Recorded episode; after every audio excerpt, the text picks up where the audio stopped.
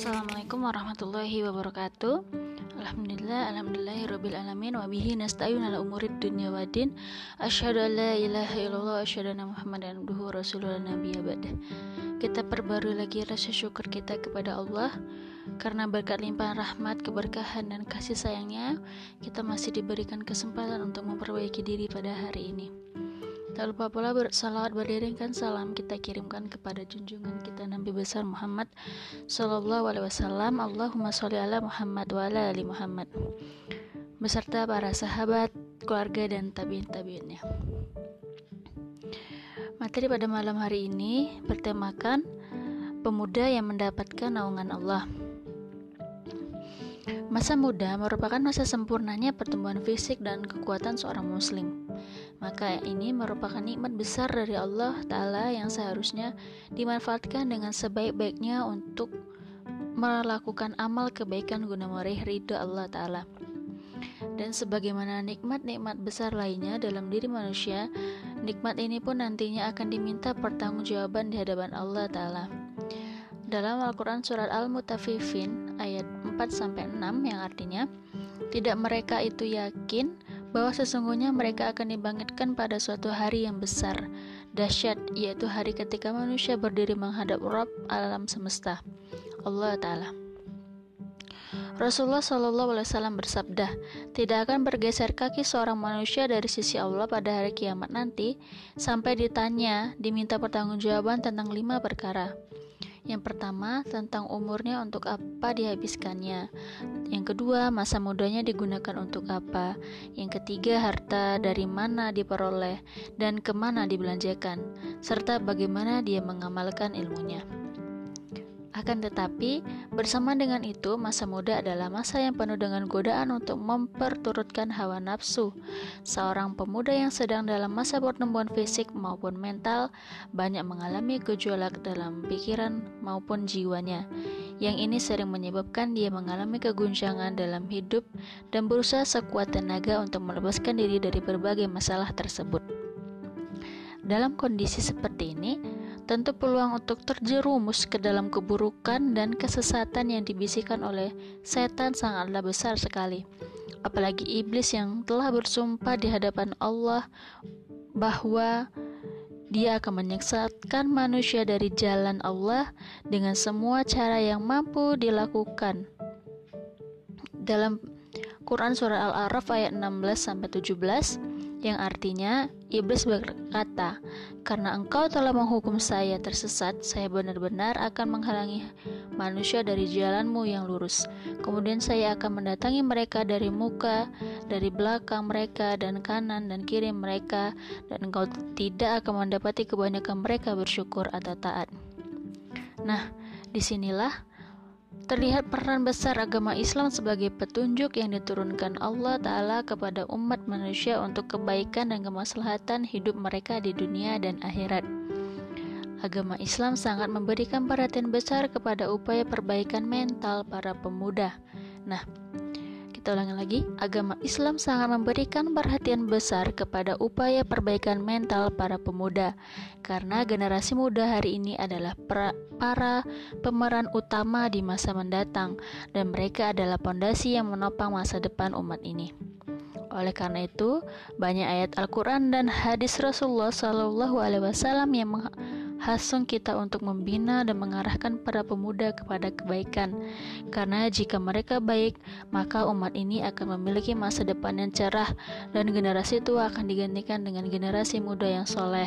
Insya Allah. Nah, sampai di sini. Uh, pada intinya bahwa kita semua di sini adalah pemuda. Pemuda hari ini adalah harapan negeri di masa yang akan datang. Apa yang telah kita lakukan hari ini akan mencerminkan kita di masa yang akan datang. Mengapa kita benar-benar harus memperbaiki? Karena kita tidak bisa membiarkan masa yang akan datang itu akan dirusak oleh orang-orang yang tidak bertanggung jawab. Ya, gitu ya. Terus pemuda yang dijanjikan akan mendapatkan naungan Allah itu siapa saja? Dalam hadis Rasulullah, ada tujuh golongan manusia yang akan dinaungi oleh Allah dalam naungannya atau arashinya pada hari yang tidak ada naungan sama sekali kecuali naungannya dan semua pemuda yang tumbuh dalam ibadah ketaatan kepada Allah dan seorang pemuda yang tumbuh dalam ibadah ketaatan kepada Allah. Hadis yang agung ini menunjukkan betapa besarnya perhatian Islam terhadap hal-hal yang mendatangkan kebaikan bagi seorang pemuda Muslim, sekaligus menjelaskan keutamaan besar bagi seorang pemuda yang memiliki sifat yang disebutkan dalam hadis ini.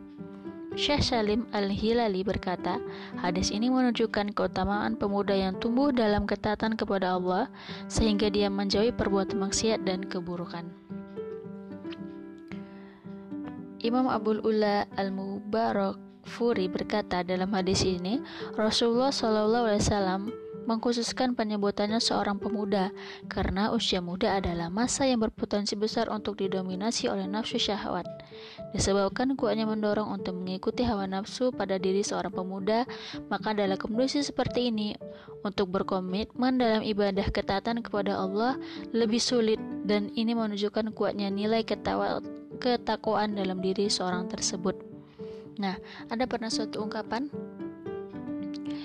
Seorang pemuda yang taat beribadah itu lebih baik daripada orang tua yang taat beribadah. Karena di masa muda itu godaannya lebih banyak dan dia mampu beribadah itu eh, gimana ya keutamanya itu lebih baik gitu ya. Lebih baik lagi masa mudanya taat kemudian masa tuanya juga taat.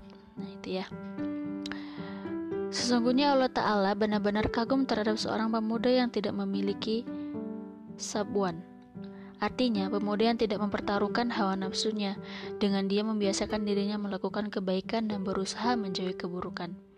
Inilah sosok pemuda muslim yang dicintai Allah Ta'ala dan pandai mensyukuri nikmat besar yang Allah Ta'ala anugerahkan kepadanya, serta mampu berjuang menundukkan hawa nafsunya pada saat-saat tarikan nafsu sedang kuat-kuatnya menjerat seorang manusia.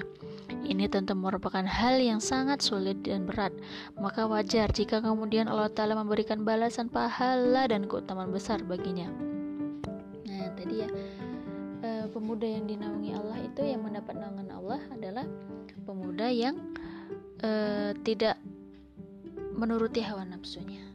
Karena pada saat muda ini hawa nafsunya benar-benar begitu kuat dan kalau dia bisa menahannya maka dia mendapat naungan Allah. Poin selanjutnya, bimbingan Islam untuk meluruskan akhlak para pemuda. Syekh Muhammad bin Saleh Al-Utsmani berkata, sesungguhnya sebab-sebab yang mendukung terjadinya penyimpangan dan banyak masalah di kalangan para pemuda sangat banyak dan bermacam-macam. Karena manusia di masa remaja akan mengalami pertumbuhan besar pada fisik, pikiran, dan akalnya karena masa remaja adalah masa pertumbuhan sehingga timbulnya perubahan yang sangat cepat pada dirinya. Oleh karena itu, dalam masa ini sangat dibutuhkan tersedianya sarana untuk membatasi diri, mengekang nafsu dan mengarahkan yang bijaksana untuk menuntun ke jalan yang lurus. Nah, kemudian Syekh Usmani menjelaskan sebab-sebab yang harus ditempuh untuk memperbaiki akhlak para pemuda berdasarkan petunjuk agama Islam. Di antaranya, satu, Nah, ini poin-poinnya ya bagaimana menjadi pemuda yang baik yang nanti mendapat naungan Allah. Yang pertama, manfaatkan waktu luang secara maksimal. Waktu luang bisa menjadi penyakit yang membinasakan pikiran, akal, dan potensi fisik manusia. Karena diri manusia harus beraktivitas dan berbuat. Jika diri manusia tidak beraktivitas, maka pikirannya akan beku, akalnya akan buntu, dan aktivitas dirinya akan lemah sehingga hatinya akan dikuasai oleh bisikan-bisikan pikiran buruk yang terkadang akan melahirkan keinginan-keinginan buruk. Rasulullah Shallallahu Alaihi Wasallam bersabda, ada dua nikmat dari Allah yang kurang diperhatikan oleh banyak manusia yaitu kesehatan dan waktu luang. Untuk mengatasi hal ini, hendaknya seorang pemuda berupaya untuk mengisi waktu luangnya dengan kegiatan yang cocok dan bermanfaat untuknya, seperti membaca, menulis, berwisata, atau kegiatan lainnya untuk menghindari kekosongan aktivitas dirinya dan menjadikannya sebagai anggota masyarakat yang berbuat kebaikan untuk dirinya dan orang lain. Nah, poin yang pertama, ini kita harus manfaatkan waktu luang semaksimal mungkin jangan banyak waktu luang deh karena nanti akan menimbulkan bisikan-bisikan yang kita yang membuat kita berpikiran buruk, bertindak buruk dan sebagainya. Caranya misalnya dengan membaca berorganisasi, bersilaturahmi, jalan-jalan atau yang positif tentunya. Kemudian yang kedua, memilih teman bergaul yang baik. Hal ini sangat mempengaruhi akal, pikiran, tingkah laku para pemuda. Oleh karena itu, Rasulullah SAW bersabda, seorang manusia akan mengikuti agama teman dekatnya, maka hendaknya salah seorang dari melihat siapa yang dijadikan teman dekatnya. Nah, dalam hadis ini, beliau Shallallahu Alaihi Wasallam bersabda, perumpamaan teman duduk bergaul yang baik dan teman duduk bergaul yang buruk adalah seperti pembawa penjual minyak wangi dan peniup al-karir atau tempat menempa besi.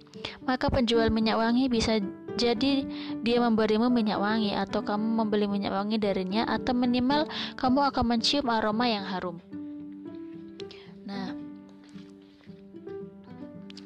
Sedangkan penutup al-kharir atau tempat penempa besi bisa jadi apinya akan membakar pakaianmu atau minimal kamu akan mencium aroma yang tidak sedap darinya. Hadis ini yang mulia ini menunjukkan keutamaan duduk dan bergaul dengan orang-orang yang baik akhlak dan tingkah lakunya karena pengaruh baik yang ditimbulkan dengan selalu menyertai mereka segaligus menunjukkan larangan bergaul dengan orang yang buruk akhlaknya dan pelaku maksiat karena pengaruh buruk yang ditimbulkan dengan selalu menyertai mereka. Oleh karena itu, hendaknya seorang pemuda berusaha mencari teman bergaul yang baik dan soleh serta berakal agar dia bisa mengambil manfaat dari kebaikan, kesolehan, dan akalnya. Maka Selanjutnya, seorang pemuda menimbang keadaan orang-orang yang akan dijadikan teman bergaulnya dengan meneliti keadaan dan alat mereka. Kemudian, yang terakhir, memilih sumber bacaan yang baik dan bermanfaat. Mengkonsumsi sumber-sumber bacaan yang merusak, baik berupa artikel, surat kabar, majalah, media sosial, yang akan menyebabkan pandangan akidah dan agama seorang, serta menjerumuskan kita ke dalam jurang kebinasaan, kefakiran, dan keburukan akhlak. Khususnya jika para pemuda tersebut tidak memiliki latar belakang pendidikan agama yang kuat dan pola pikir yang benar untuk membedakan antara yang benar dan yang salah, serta bermanfaat dan membinasakannya. Nah, pada intinya, pemuda yang mendapat naungan Allah itu adalah pemuda yang dapat memanfaatkan waktu luang secara maksimal supaya kita menjadi pemuda yang baik itu ya. Memanfaatkan waktu luang secara maksimal memilih teman bergaul dan memilih sumber bacaan yang baik dan bermanfaat. Demikian barakallahu fikum. Wassalamualaikum warahmatullahi wabarakatuh